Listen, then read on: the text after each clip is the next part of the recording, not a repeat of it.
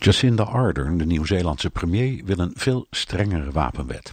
Na de massamoord in Christchurch is dat begrijpelijk, want een kwart van de Nieuw-Zeelanders van 16 en ouder heeft een wapen. Het kabinet steunt Ardern, maar het is nog maar helemaal de vraag of ze ook haar parlement meekrijgt, want Nieuw-Zeelanders doen aan ongeveer dezelfde bijna religieuze wapenverheerlijking als Amerikanen en Canadezen. In onze ogen is dat verwerpelijk en bestaat er geen twijfel dat het aantal moorden en zelfmoorden recht evenredig is aan het aantal wapens. In Amerika zijn mass shootings, zoals maandag in Utrecht, aan de orde van de dag. Sterker nog, er zijn er bijna net zoveel als het jaar dagen heeft. De Amerikaanse definitie van zo'n mass shooting is vier of meer slachtoffers. Wat de strijd tegen terroristen en andere massamoordenaars in de Anglo-Saxische wereld extra moeilijk maakt, is dat ze geen bevolkingsregisters hebben, wat bij ons basisregistratie heet.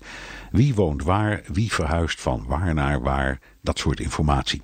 Het Engelse recht gruwelt van het idee van persoonsregistratie, waardoor niet alleen in het Verenigd Koninkrijk, maar ook in de Anglo-Saxische landen Amerika, Australië, Canada en Nieuw-Zeeland geen registers bestaan. Die landen weten dus niet waar hun inwoners verblijven en ook niet precies hoeveel het er zijn. Helpt een strengere wapenwet en persoonsregistratie? Als je wereldwijd de statistiek bekijkt, bungelt Nederland met zijn strenge wapenwet en zijn BSN-nummers in aantallen slachtoffers bijna onderaan. En toch, de Utrechtse moordenaar had gewoon een wapen. En Tristan van der Vlis, een geesteszieke man die in 2011 in Alphen aan de Rijn vijf mensen doodschoot en 17 verwonde, had zelfs een wapenvergunning. Noorwegen heeft ook een strenge wapenwet en een bevolkingsregister en toch blies Anders Breivik in 2011 in Oslo acht mensen op en maaide er vervolgens 69 neer met een arsenaal aan automatische wapens. Premier Ardern heeft natuurlijk gelijk, het wapenbezit moet aan banden.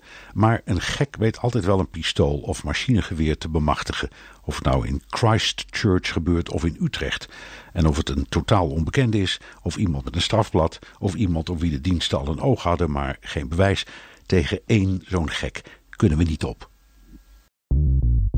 Bij BNR ben je altijd als eerste op de hoogte van het laatste nieuws. Luister dagelijks live via internet. Jelle Maasbach. Wesley Weert. We zijn er voor je met het leukste, opvallendste, maar natuurlijk ook het belangrijkste nieuws. Tijdens de presentatie van die halfjaarcijfers toen die beurskoers in elkaar kukkelde. BNR Beurs. Voor de slimme belegger. Blijf scherp en mis niets.